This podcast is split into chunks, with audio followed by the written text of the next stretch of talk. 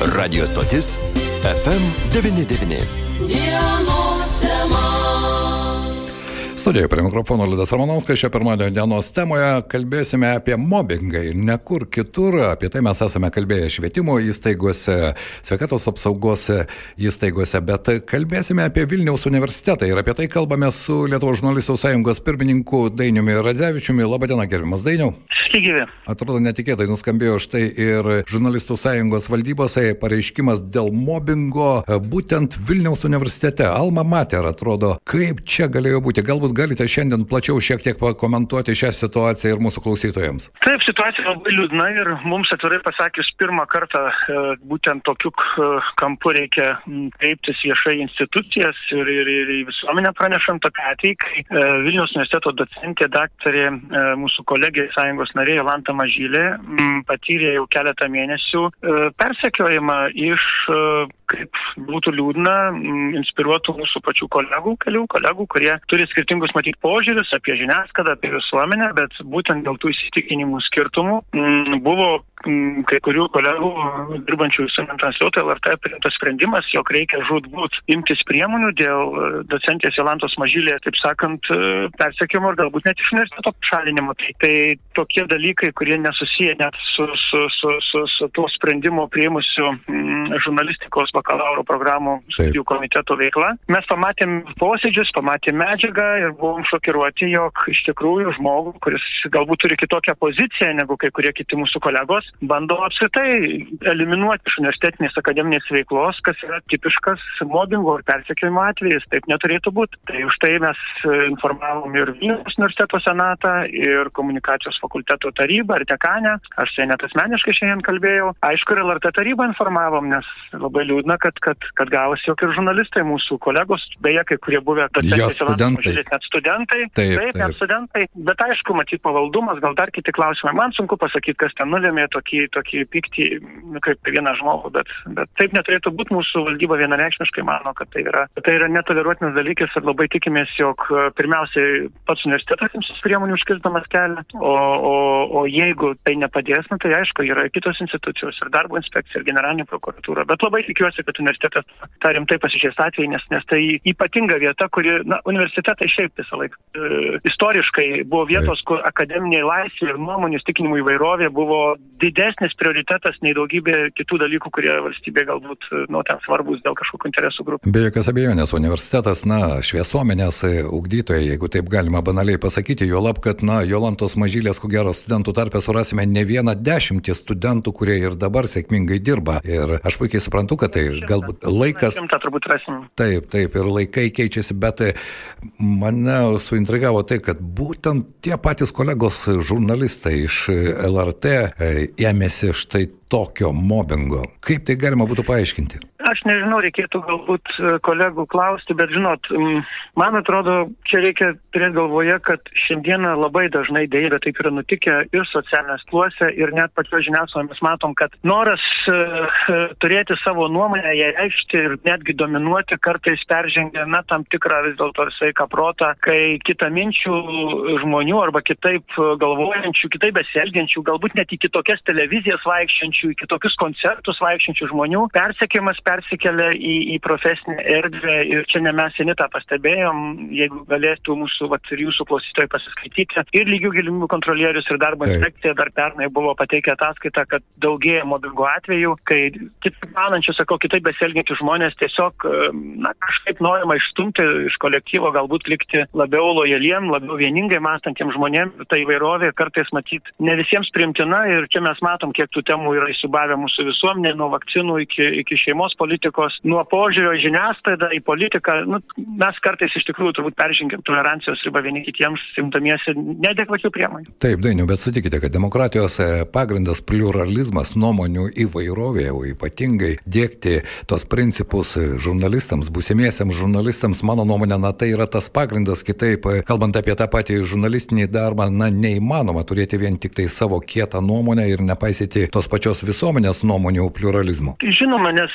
kolegės Jolantos Mažylės atveju mes esam išgirdę tą medžiagą žiūrėdami posėdžių, kad pavyzdžiui tai, jog jinai nuėjo į tokią televizijos laidą Sengirį ir ten pasako apie, apie e, Vytotą Getgaudą, žurnalistą, aišku, kritikavo į pačią žiniasklaidą kažkiek, bet, nu, žinot, šiandieną mes kaip tik bendruomenė vertinam žurnalistikos ir žiniasklaidos kritinio požiūrio reikia kaip niekada ir į mus pačius reikia turbūt atkreipdėmėsi, kad mes turim būti tolerantiški, mes esame irgi nevienodėmė žurnalistai ir žiniasklaida. Jolanta Mažylė, kaip akademinis žmogus, sukritikavęs e, kai kurios mūsų žiniasklaidos veikimo metodus arba kitus dalykus, mano galva, na, pasakė tai, ką akademikai gali sauliaisti, net turėtų sauliaisti pasakyti, e, todėl kad, na, reikia kritinio požiūrio į daugybę dalykų, bet, bet už tai persekioti, na, yra tikrai, nu, man tai yra liūdna, sakau, bet aš priimu tą realybę, kad e, apraiškos e, persekiam mobbingo gali dabar užgimti bet kur. Mums, man atrodo, svarbiau yra vis dėlto reaguoti į tai tinkamai ir ne nei pačio ten universiteto viso dėl to ar dar kažko, bet, bet žmonėms, kurie galbūt peržengė ribą, turi būti apie tai irgi pasakyta. Lietuvos žurnalistų sąjunga oficialiai kreipėsi į universitetą, ar vis dėlto, kadangi ir Jolanta Mažylė yra ir žurnalistų sąjungos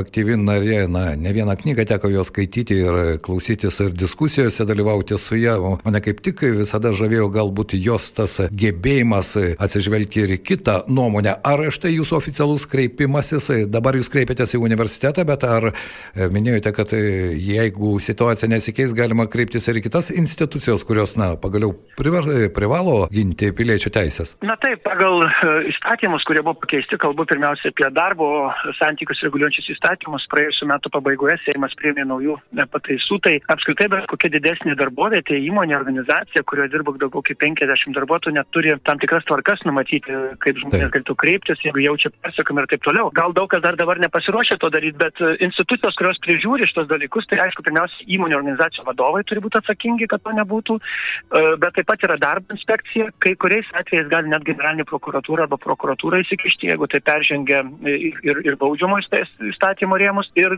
trečias momentas labai svarbus, tai jeigu yra diskriminacijos požymų dėl amžiaus, amžiaus, lyties ir kitų dalykų, tai ir lygių galimybių kontrolierius galėtų įsijungti. Mūsų atveju mes išvelgiam, kad yra ir dėl amžiaus, ir, ir dėl, dėl įsitikinimų diskriminacijos požymė, nes, nes posėdžiuose kai kas iš, iš jaunesnių kolegų žurnalistų užsiminė, kad per nelik ilgai, šiuo atveju docentė dėsto universitete, dar daug studentų, taip sakant, iš praeities atsimena, lyg tai būtų kažkoks minusas. Taip. Bet, žinot, universiteto dėstytojai daugelis dirba ir 10, ir 20, ir 50 metų ir jeigu jie tinka universitetui, tai na, amžius tikrai neturėtų būti diskriminavimo pagrindas, e, ypač, na, iš kitos kartos žmonių. Taip, be jokios abejonės, ypatingai akademinėje veikloje. Beje, štai kalbant apie naujas ir darbo įstatymo pataisas, mano nuomonė, kad čia tam tikro edukacinio momento trūksta. Ne, ne tik kalbant apie konkretų šį atvejį, bet ir kalbant apie visuomenės pasiruošimą, galbūt tas teisingus įstatymus, juos adaptuoti realiam gyvenimui. Dažnokai žmonės iš tikrųjų patys nepasigilina, na ir po to belieka skėščioti rankomis. Kaip jums atrodo, ar iš tikrųjų įstatymai priimami, bet ar nereikėtų vis vis dėlto didesnį dėmesį skirti ir tų įstatymų realiam įgyvendinimui, visuomenės švietimui pagaliau? Be jokios abejonės, bet aišku, aš atvirai pasakysiu, e, esu e, entuziastas, kad valdžios institucijos imtųsi kuo daugiau tokių, tokių veiklų, bet reikia nepamiršti mums patiems, kad ir žurnalistai, ir ir darbdavių organizacijos šiandieną, ir profesinės sąjungos kitos turėtų pačios aktyviau dirbti, todėl, kad, matot, e, vis dėlto nepersikėti žmonės, toleruoti, ne, neužsimti mobbingu, na, jie turi žinoti, kad tai egzistuoja pirmiausia bet kokiam darbo kolektyvė, komandoje, įmonė, organizacija ir aišku, vadovams čia turbūt daugiausia reikia galbūt skirti laiko, nes būtent e, šitos programos, tai yra, kurios padeda išvengti mobbingo ir persekimo, jos tiesiogiai susijęs su geru tokiu klimatu, gera atmosfera dar борьба arba jeigu neįgyvendini tų priemonių, tai, na, gali būti net ir vienas atvejis tapti ir liūdnom situacijom, ir tragiško. Mes paminam Šiaulių ligoninį ir savižudybės atvejį, kuris siejosi su ta tema, nebūtinai nustatė konkrečius asmenis kaltus, bet, bet žinot, šiandieną aš pat žinau ir kolegė docentė Jolanta Mažylė, jinai kreipėsi dekanę, jai dekanė supratingai leido nedirbti su studentais kurį laiką, nes psichologiškai, na, suprantat, kai tu jau tik save nori tiesiog suvalgyti, aš kabutėse vadinsiu, išmesti iš universiteto keli žmonės, žurnalistai, tai tiesiog, nu, šokas turbūt būna ir žmonės kurį laiką negali savo darbą dirbti tinkamai. Be jokios abejonės, sutinku su jumis, jau lab, kad tokių pavyzdžių visuose ligmenyse galime surasti kasdienime gyvenime ir dažnokai skambanti tokių žmonių replika, na ką aš čia galiu padaryti prieš visą tą sistemą. Mano nuomonė, kad vis dėlto reikia daryti. Vienas e, laukia ne karys, bet kartais tas vienas gali padėti e, problemą, na bent jau pažvelgti ir viešumas čia yra vienas iš svarbiausių dalykų. Čia yra mano subjektyvi nuomonė, bet e, aš tikiuosi, kad ir šiandien kalbėdami su Lietuvos žurnalistų sąjungos pirmininku Dainiumi Radzevičiumi mes kalbame apie konkretų atvejį, bet tokių atvejų yra visose gyvenimo sferose. Taip, ir aš pabrėšiu, kad dar labai svarbus dalykas,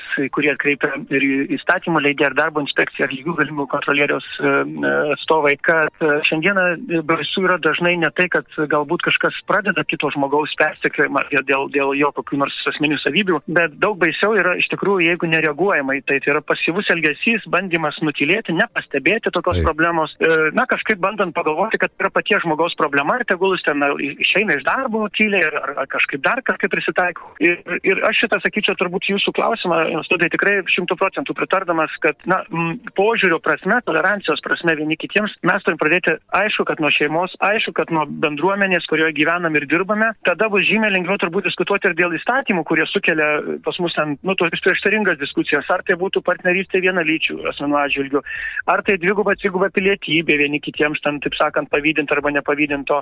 Jeigu mes savo artimiausioje aplinkoje tokiam temom esam netolerantiški, e, neišklausom vieni kitų, tai aišku, po to jau Seimas yra tik mūsų atspindys, taip sakant, gyvenimo problemų ir mūsų būdo reaguojant į tai. Taip, sutinku. Dainiau, ačiū šiandien už tai, kad suradote laiko ir papasakote plačiau apie šį konkretų mobbingo atveju. Lietuvos žurnalistų sąjungos pirmininkas Dainius Radzevičius buvo mūsų dienos temos pašnekovas. Tikėkime, kad ši istorija iš tikrųjų turės, norisi sakyti, finišą optimistinį, bet tam reikia pastangų, bendrų pastangų. Ačiū Dainiau. Ačiū Jums. Na, o grįžtant prie šios temos, kaip jau minėjome, Lietuvos žurnalistų sąjunga gavo Vilnius universiteto docentės dr. Jolantos Mažylės pranešimą apie jos atžvilgių taikomą mobbingą Vilniaus universitete. Jį pateikė Vilnius universiteto komunikacijos fakulteto žurnalistikos bakalauro studijų programos komiteto oficialius posėdžio vaizdo ir garso įrašus, taip pat posėdžių išrašus ir komiteto kreipimas į universiteto centrinę etikos komisiją ir nurodoma, kad žurnalistikos bakalauro programos komitete vykdomi aiškiai išrišti veiksmai ir siekis sunaikinti asmens reputaciją ir susidoroti su docente Mažylė kaip dėstytoja. Ir kreipdami dėmesį į tai, Lietuvo žurnalistų sąjungos valdyba buvo priimtas sprendimas informuoti atitinkamas organizacijas apie vykdomą mobbingą docentės atžvilgiu. Apie tai mes kalbėjome su žurnalistų sąjungos pirmininku Dainiumi Radzevičiumi ir tikėkime, kad vis dėlto ir šis kreipimasis taip pat atkreips dėmesį. Tai ne vienetinis atvejis, galbūt neįprastai skamba tai, jog tai vyksta Vilniaus universitete. FM 99.